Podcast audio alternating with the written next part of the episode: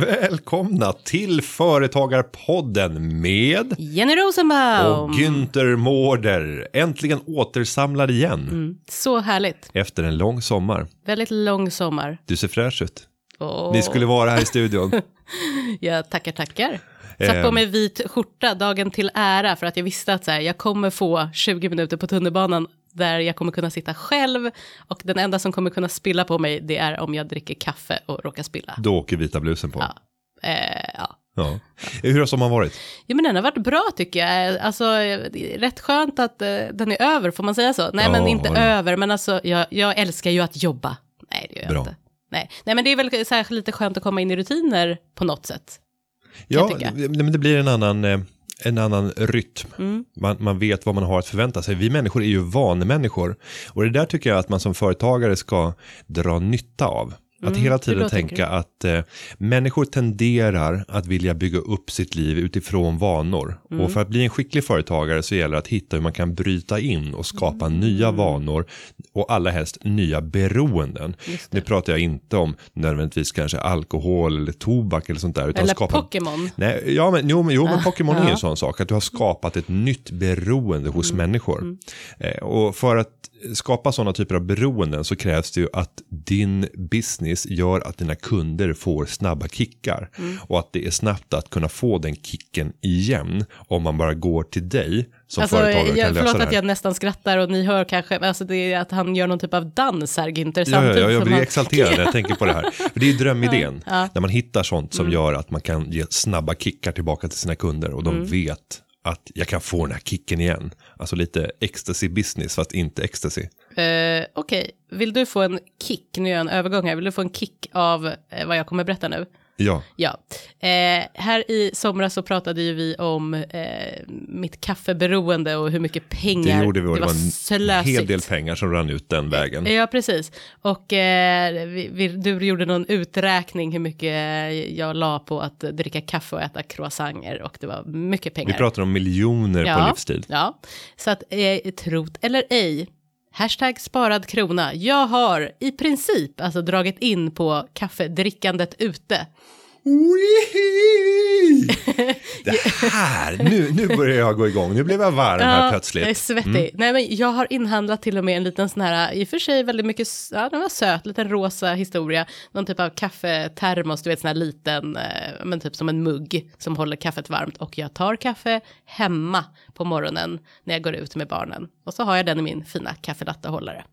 Vad säger du om den? Det är mycket bra. Och, eh, Mm. Är du stolt över mig? Jag är mycket stolt Mm. och samtidigt så eh, känner jag en, en liten oro nu inför Mm. alla de företagare som lyssnar på det här och, och driver en kaférörelse. Jag sitter och jublar. Men då vill jag mena så här att det Jenny ska göra nu med de här sparade kronorna Mm. det är att göra upplevelsen i det här kaféet till en mycket större Ja, sak. precis. Att när jag kunna väl samla går. vänner. Ja. Ja. Och, och det är förmodligen mycket större glädje i det för båda parter. Mm. För en kaféägare att få sälja en upplevelse där du tillsammans med dina vänner har en minnesvärd stund. Istället för att du bara kommer in, grabbar en kaffe. Men återigen, där har vi beroendet. Ja, för beroendet är ju hela... Den alltså, snabba affär- kicken, kaffen, doften, Ja, komma in och se den här snygga italienaren med Ja. instoppad slips innanför eh, skjortan.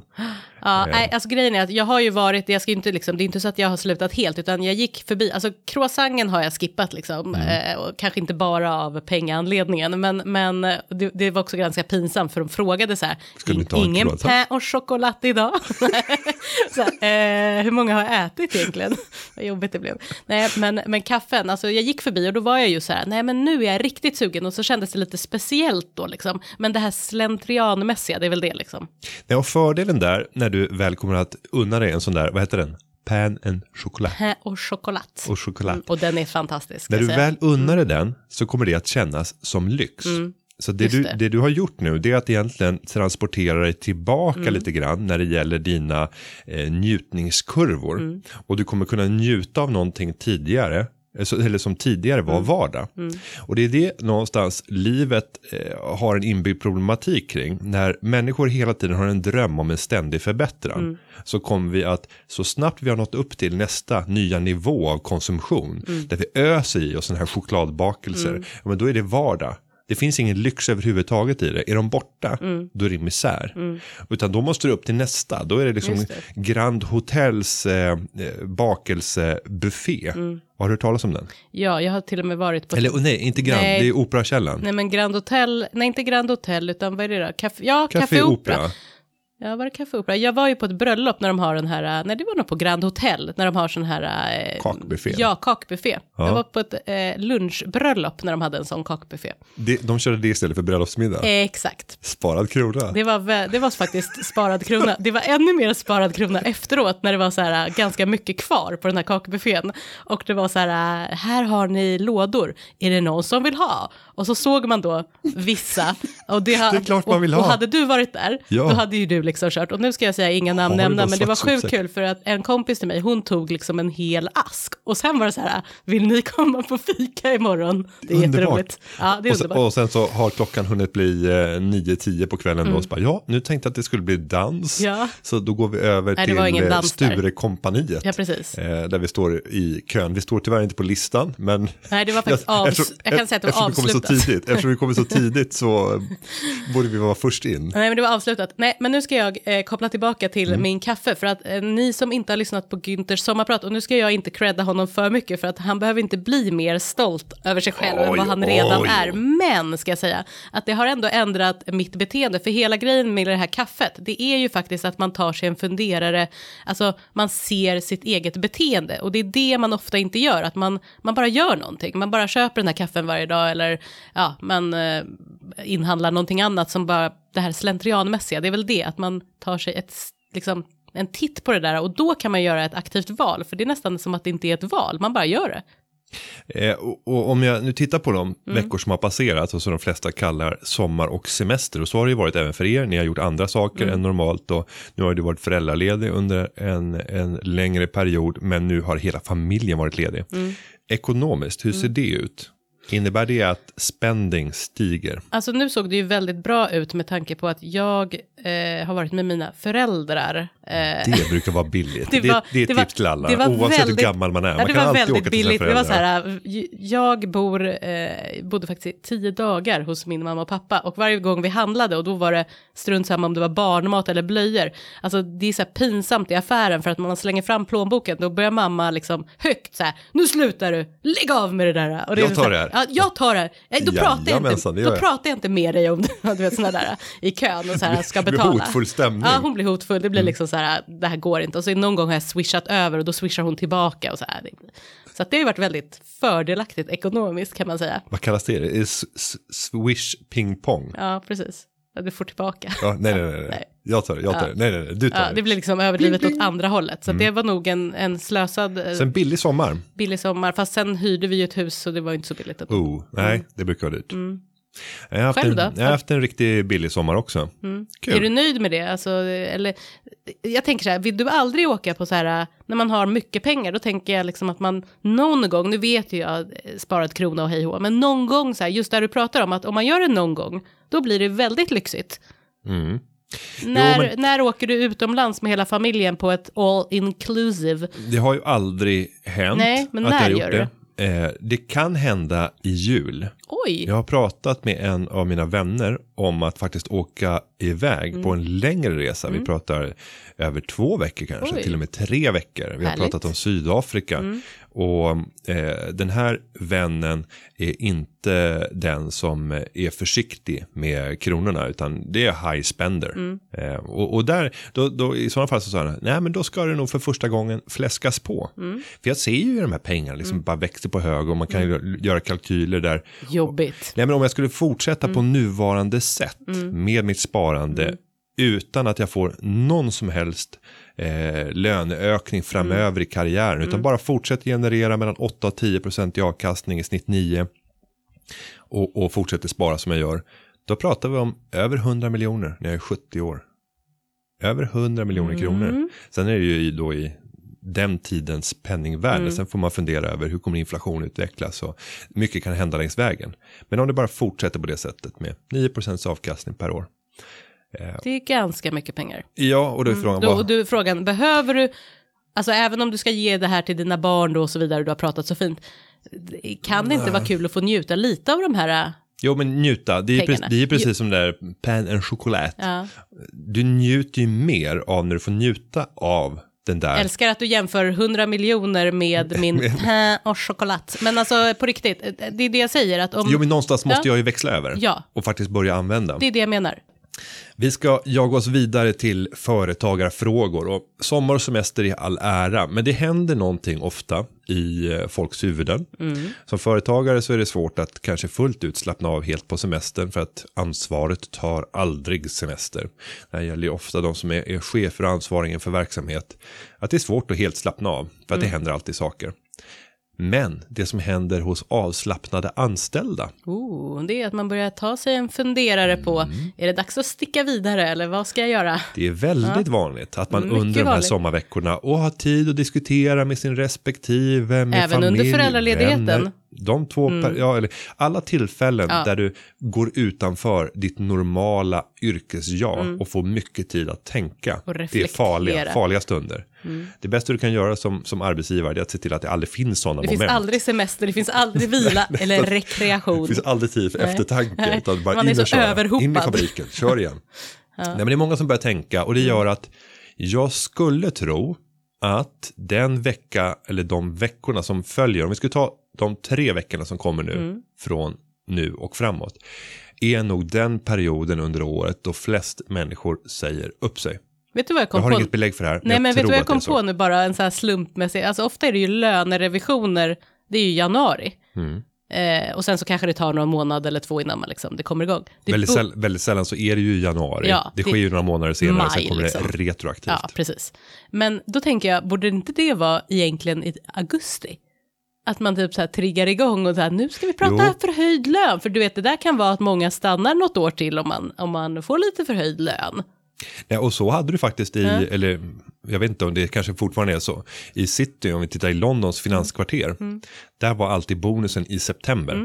Och då var det, så fort bonusen hade kommit, då drog folk Mm. Jaha, avlöning. okej, så det kanske inte spelar någon roll när det blir. Utan Nej, det, ja, utan man bara ja, fördröjer ja, effekten. Jag förstår. Ehm, och, och där var det ju inte att de hade haft tid att tänka, för de hade kommit igång och jobbat. Och jobbar man i finans i London Mm. så tar man inte så mycket semester tror jag. Eh, nej, jag Man har många så mycket. kompisar som gjorde det eh, där efter gymnasiet och eh, Inte efter gymnasiet va? Inte efter gymnasiet, förlåt, universitetet såklart.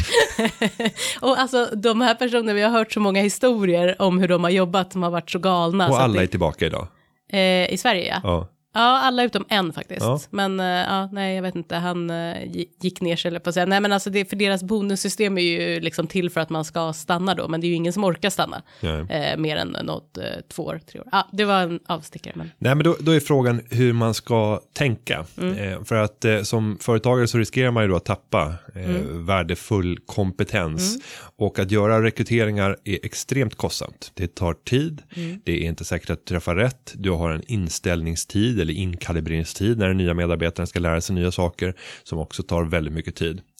Eh, vad kan, om man är medlem i Företagarna, Mm. vad kan man få för hjälp av eh, rådgivningen i ett sånt läge? Nej men alltså det är väl jättebra tillfälle att just ringa den juridiska rådgivningen på företagarna innan man ska eh, rekrytera. Dels för att prata faktiskt kanske allmänt och anställningsformer men även annat eh, runt omkring eh, anställningen och rekryteringen.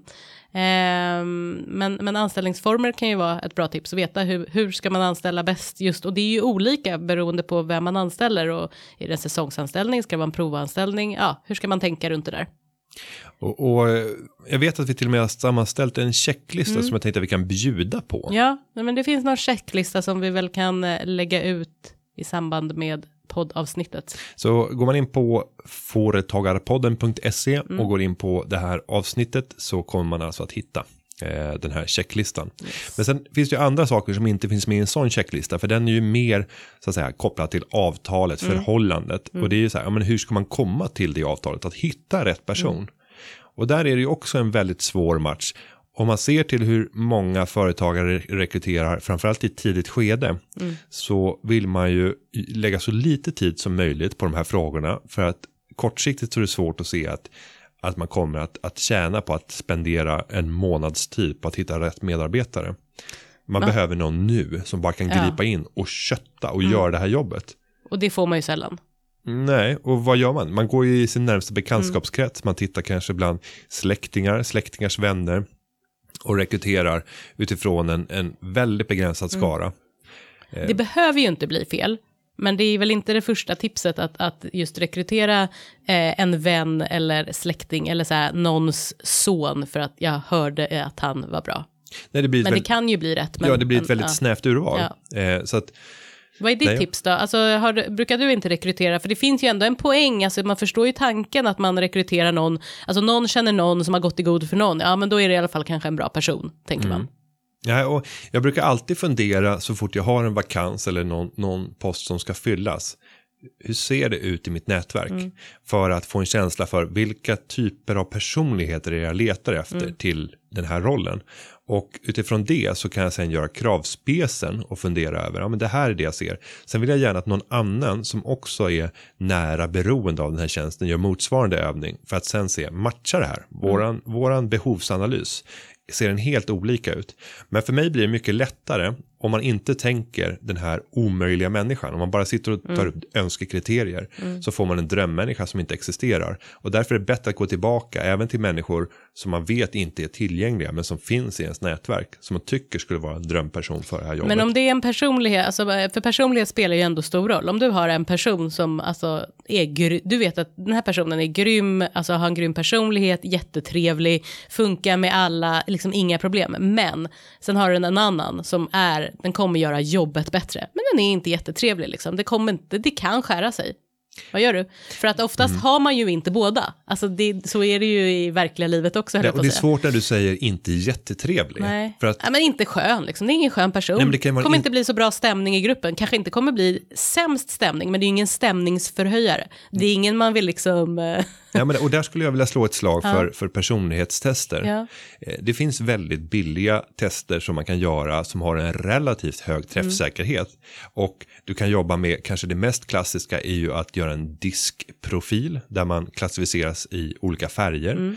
För att se olika typer av, av personligheter. Vad är du för människa? Är du utåtriktad? Är du inåtriktad? Fokuserar du väldigt mycket på människan? Är det på resultaten? Är du orienterad kring siffror? Att sitta och räkna akademiska bevis bakom.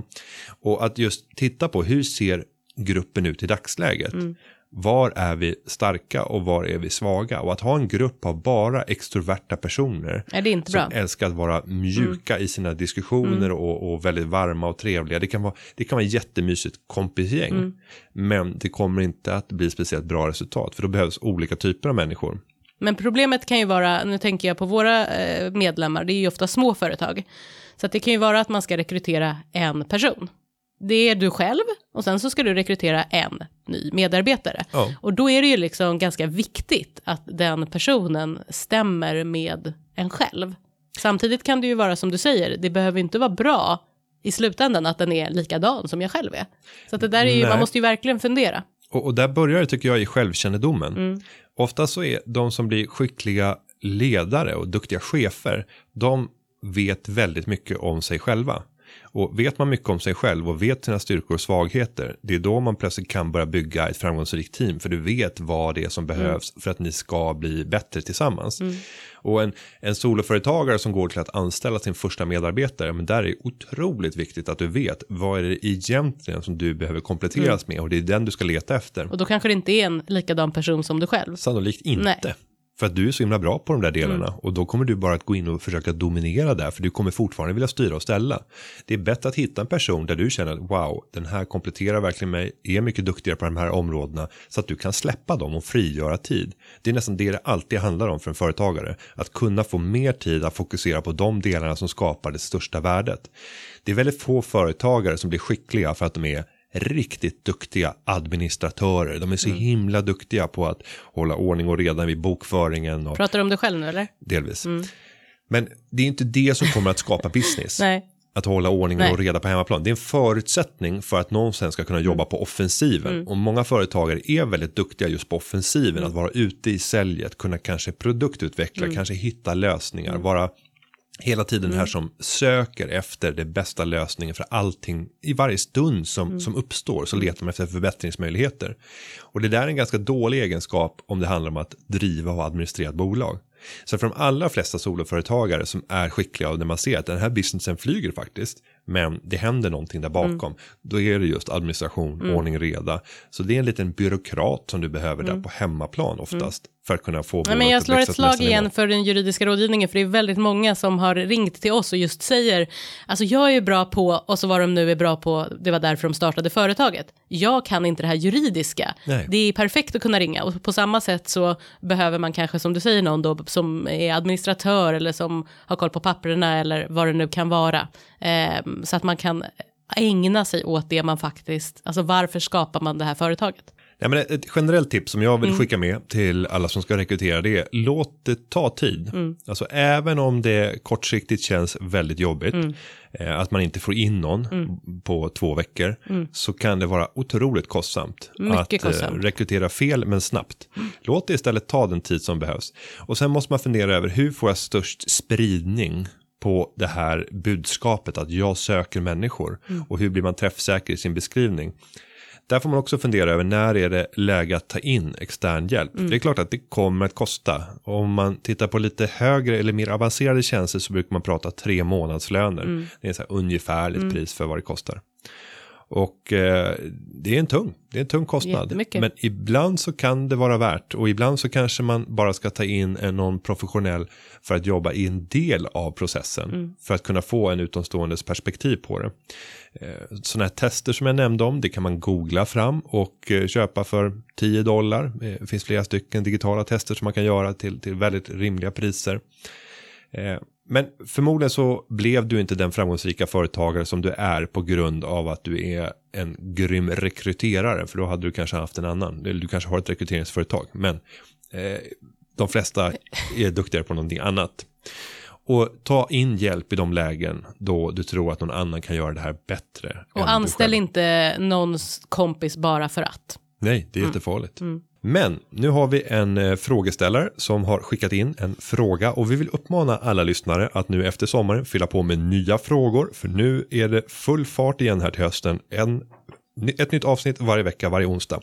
Och då går ni in på företagarpodden.se och skriver in ett formulär där ni kan fråga om allt möjligt. Eller så går ni in på Twitter och eh, skriver under hashtag företagarpodden med ö. Och ni kan även använda Instagram. Vi vill se var ni lyssnar och skriv era frågor. Lägg upp någon bra bild. En som har gjort det, det är Joakim Blomqvist från Uppsala. Hur bör man agera som arbetsgivare när någon skrivit på ett anställningsavtal men vill säga upp sig innan anställningen påbörjats? Exempelvis om personen i fråga har blivit erbjuden ett annat arbete. Vilka regler för uppsägningstid är det som gäller? Detta kan ju ställa till det för mindre företag om man måste börja om med en ny anställningsprocess. Ja, vilken Jenny, hur gör man? Personen har inte ens börjat, säger Nej. upp sig. Vad är det som Ja. gäller? Nej men alltså det är ju avtalet som gäller så att det beror ju på vad det var för avtal man skrev på men, men eh, avtalet gäller så att är det en provanställning till exempel vilket är ganska vanligt. Ja, Eh. och, det, och som företagare finns det inget skäl oftast att inte Nej. ha en provanställning Nej. inledningsvis. Nej. Och du har rätt att ha det i ett halvår. Ja, precis, sex månader. Och då är det ju så att det är ju om ingenting annat, det kan ju stå annat i kollektivavtal och så vidare, men om det är en vanlig provanställning, ehm, då är det ju två veckors uppsägningstid. Men det är ju från arbetsgivarens sida. Om arbetsgivaren säger upp är det två veckor. Om arbetstagaren vill gå, då är det på dagen. Så att då kan man ju komma Ett till... sms på kvällen bara, jag kommer inte imorgon. Nej, jag är sjuk. Nej, men, jag, slut, jag har slutat. Ja, precis. Så det, det är ju ganska risky för båda. Är det men- en dag under prov? Ja, ja, du kan gå på dagen. Så att det är liksom, det, det, det är ju, eh, det är ju som det är, när man, det är den risken man tar om man skriver ett avtal väldigt långt i förväg. Men ska jag säga den här frågan, ofta är det ju då att man har skrivit avtal och du börjar om alltså lång tid framöver, för annars är det ju inte så stor, Det kan vara ganska naturligt nu. Ja. Alltså innan sommaren så skrev man på. börja tänkte så här att ja, nu är det Mm. löst. Och sen i mitten av augusti så ska personen börja. Men sen ska man ju, ja precis, och sen är det ju så att eh, är det eh, att man har blivit fast anställd då till exempel, eller en tills vidareanställning, ja men då är det ju ofta en månad. Eh, och då ska man ju också veta att då ska man ju komma in som då arbetstagare och jobba den månaden för att få ut lönen såklart. Eh, men jag ska väl säga att många av de här fallen löser det ju sig själv för att man kontaktar arbetsgivaren och säger hur det är och då kommer man överens och sen så är det inte mer med det.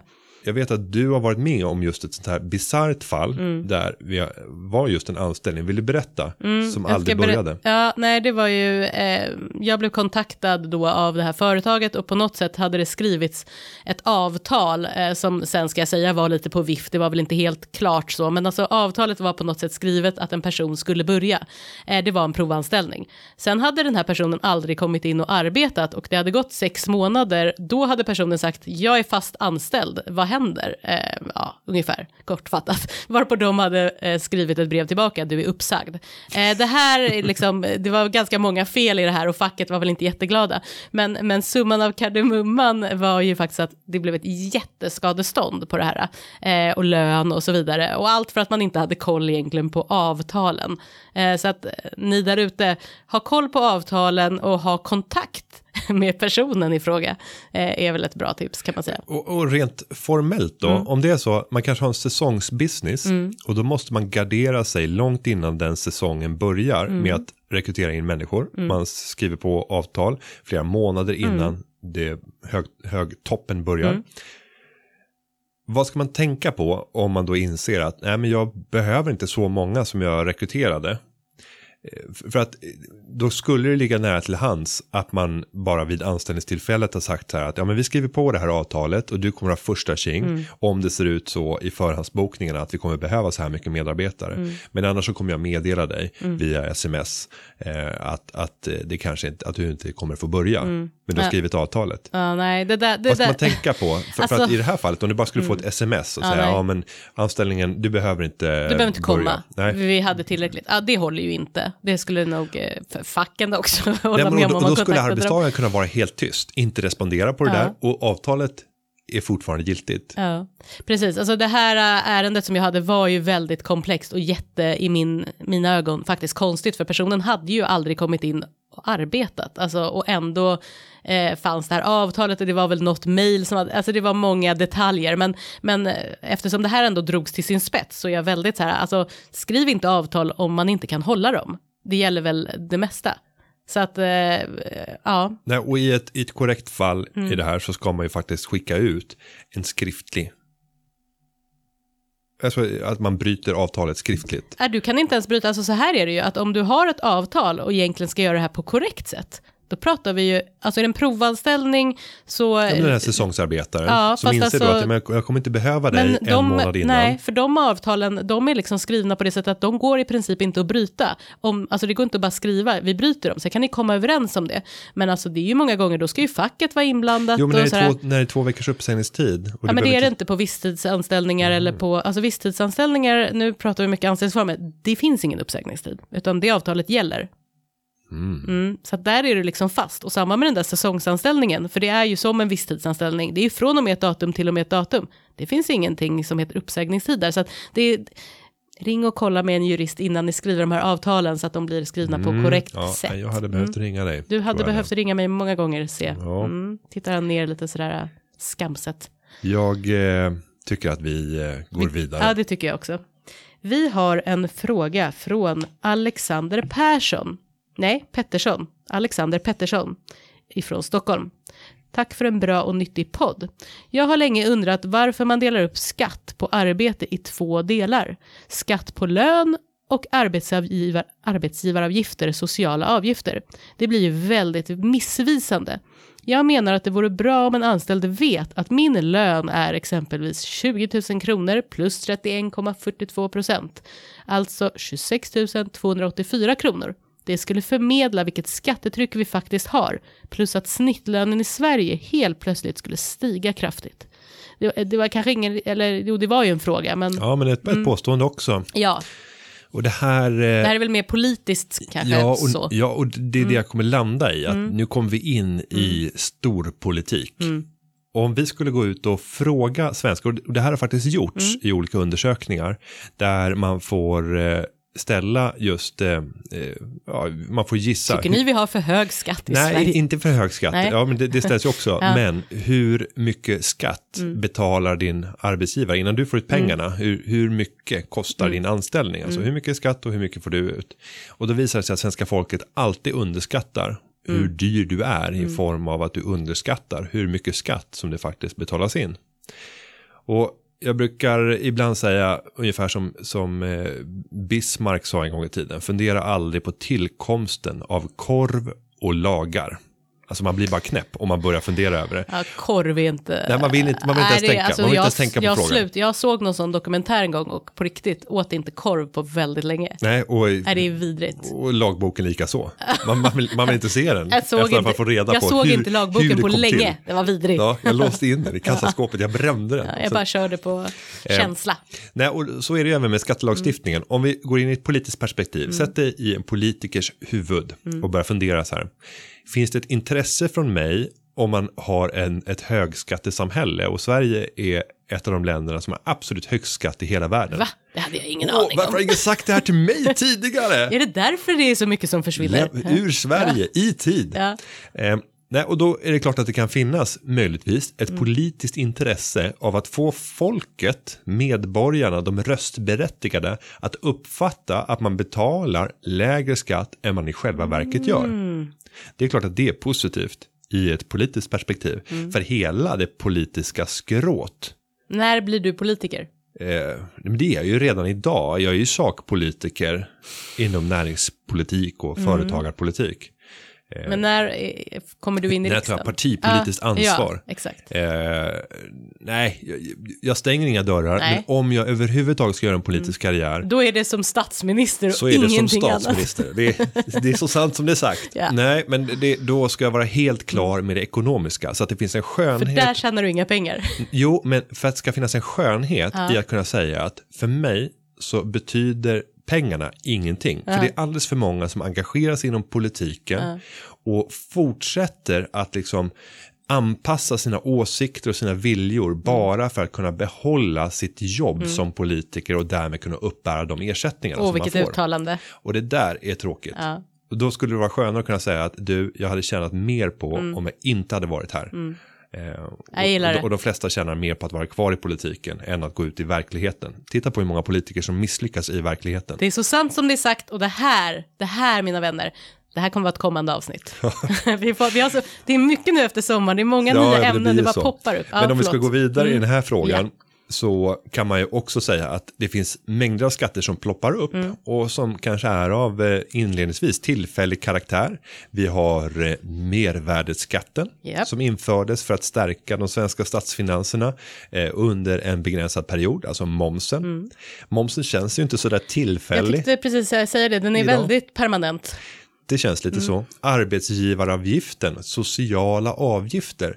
Ja, alltså upp till, till eh, gränsvärdena så är det ju ac- acceptabelt att faktiskt se att jo men det är sociala avgifter för det tillfaller dig i form av att det görs pensionsinbetalningar. Vi betalar in till det sociala skyddsnät som vi alla omfattas av. Så det är som en försäkring, en socialförsäkring som vi kan ta del av. Men så fort du börjar tjäna lite mer och då är det ju faktiskt ingenting som fylls på i de här utan det är en ren skatt. Och då borde man ju inte Och kalla det. Mm. Ja, och då borde du inte kalla det Nej. Mm. för att det är en social avgift utan då är det en extra skatt. Men det finns ju inget politiskt incitament för att kalla det extra skatt. Samma sak när man pratar om marginalskatt. Jag menar, vi har två brytgränser Mm. för statlig eh, inkomstskatt. Och den sista, där det blir ytterligare 5 procentenheter i skatt, ja där pratar vi om marginalskatt. Och, och, värns, eh, och, och, och, eh, förlåt, och värnskatt. Och det är ju ingen som begriper det där. Värnskatt. Eh, det låter ju väldigt fint. Att man betalar en värnskatt. Men om det var så här en extra, extra statlig skatt så hade det blivit större uppror. Jag är av uppfattningen att man som arbetsgivare faktiskt ska göra en lönespecifikation, vilket man ska göra varje månad ändå.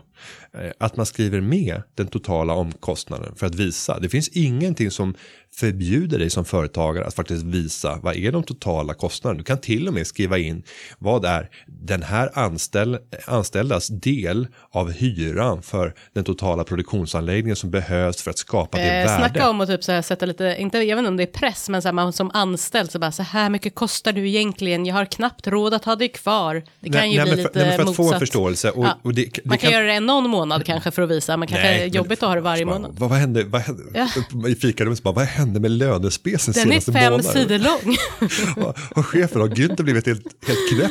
Vad håller han på Det står med? vad kaffet kostar och Ja. bananerna i fruktkorgen. Eh, nej, men det som kan vara intressant det är när jag har träffat många som idag uppbär en anställning och som tänker starta eget Mm. så går de i tankarna och tänker så här, ja men vänta nu, jag får ju 27 000 i månadslön. Mm.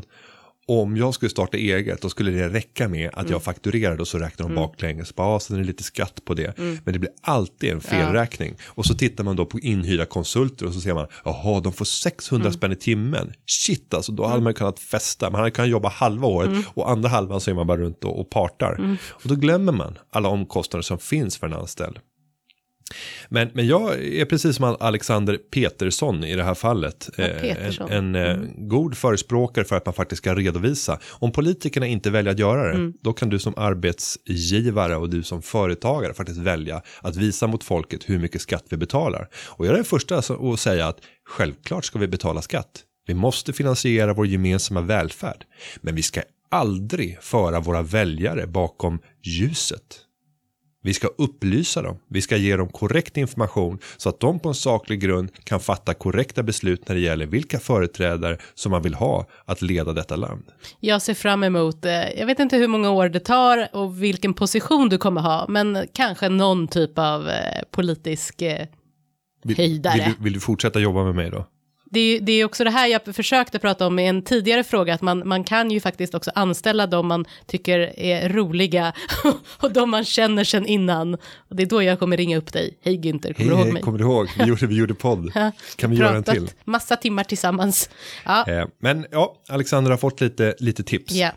Då tänkte jag att vi avslutar med en namnlös frågeställare från Göteborg. Jag skulle behöva Jennys juridiska expertis för att svara på min fråga. Ja, jag behöver det ständigt.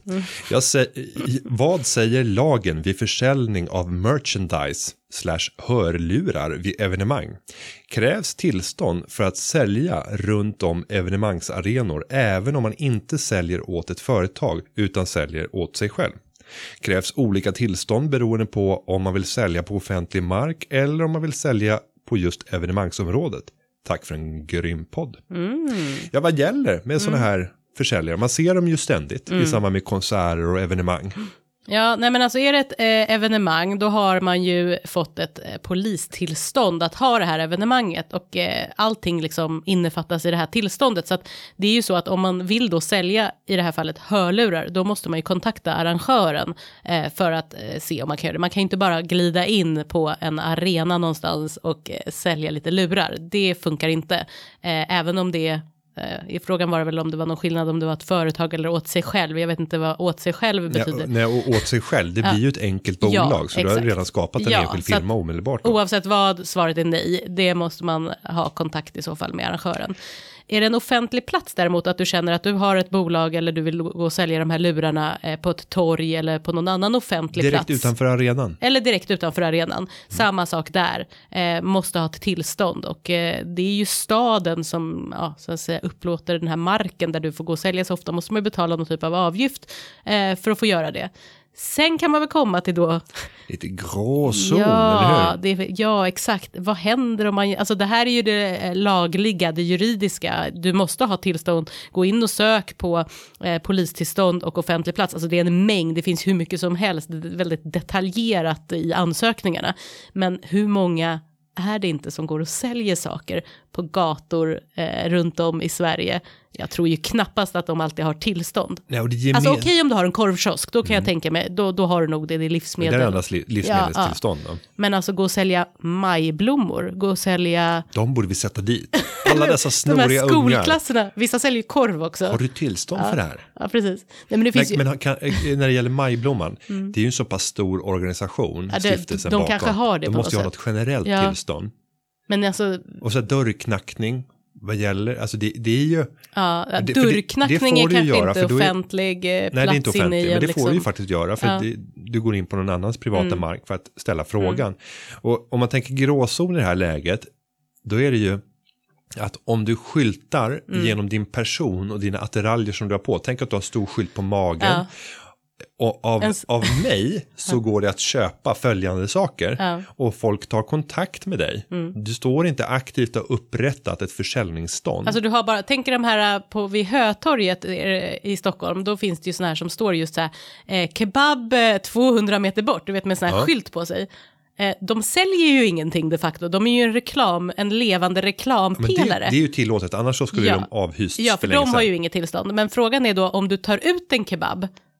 Ja, får de servera kebab ja, också? Alltså att de, Att, att de blir eh, kolportörer för kebab? ja. Nej, men att, att det blir eh, leverans av kebab också. Nej, det måste de ju ha tillstånd för, det är livsmedel. Men, men hörlurarna återigen, hörlurar, öronproppar, tänker jag. Ja, Öronproppar läsk, alltså alla sådana Ja. Mm. grejer som går väldigt mycket under sådana här evenemang. Och eh, tänk dig de som står och säljer och köper biljetter. Mm. Eh, och där berättade ju, eh, vem var det? Det är någon som sommarpratade här i somras. Eh, var det, jo, det var Bert Karlsson. Det var underbart tyckte jag att höra hans story om eh, biljetter. Eh, för att man fick inte ta ut överpriser. Nu har, nu har jag glömt bort hela storyn, Mm. men det var i alla fall att han ville köpa en biljett för att komma in på ett evenemang Mm. när han var liten pojk. Och sen kom polisen fram och eh, stod när de höll på och dealade. Och eh, då så fick man inte ta ut ett överpris utan det, man fick sälja det för priset som man hade köpt den för. Och eh, Bert hade fått ett erbjudande om att köpa den för fem eller tio gånger mer, vilket det kostade på marknaden. Och då sa han, då köper jag alla dina biljetter. När polisen stod där. Och sen så gick han iväg och började sälja sina och biljetter. sälja, Ja. ja. kaxigt. För att det är svårt Mm. att, eh, jag vet inte hur många rättsfall det finns där man har dömt någon för det här. Nej. Och det gemensamma för alla den här typen av försäljare är att de är väldigt snabba i sin etablering och avetablering.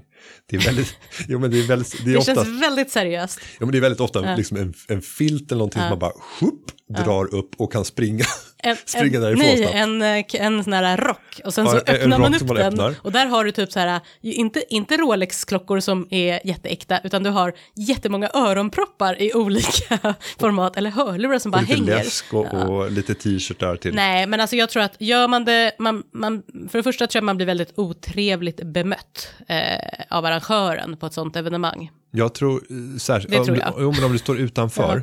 Ja, då så- tror jag också att det blir otrevligt bemött.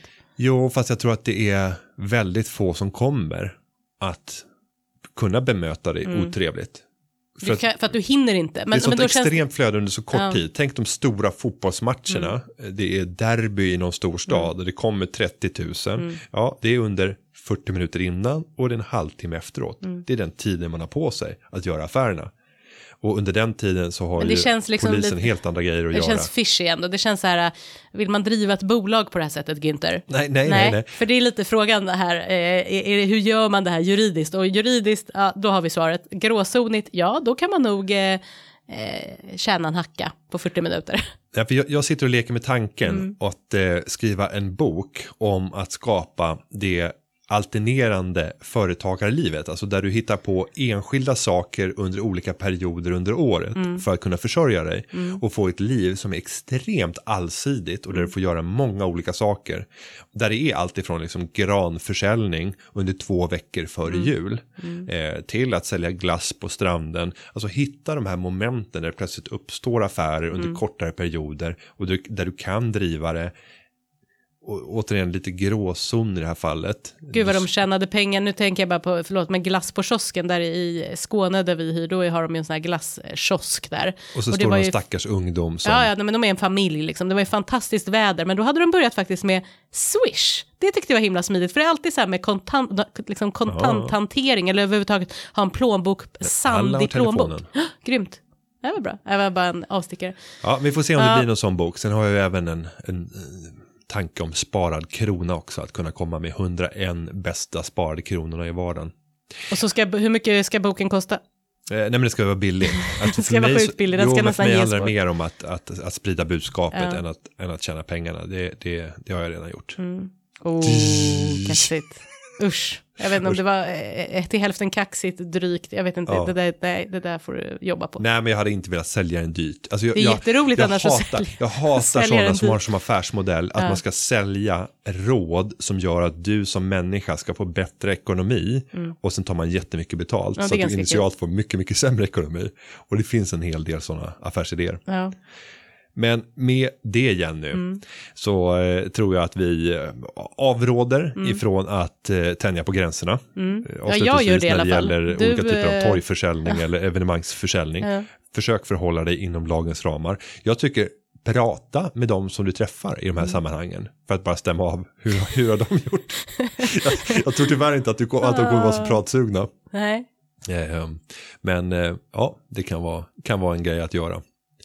Eh, Men med det så tänkte jag att vi rundar av och säger att interagera med oss, fortsätt skicka in frågor, eh, prenumerera gärna Ja, på podden prenumerera. på Podcaster kan du öka eller signa på prenumerationen eller på direkt, direkt på soundcloud.com snedstreck företagarpodden så får du alltid en färsk uppdatering när nästa poddavsnitt dyker upp.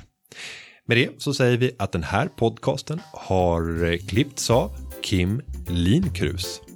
Och med det, hej då! Vi hörs nästa vecka. Det gör vi. Och la la la la la la La, la, la, la. Hej då! Företagarna. Ja, ja, ja,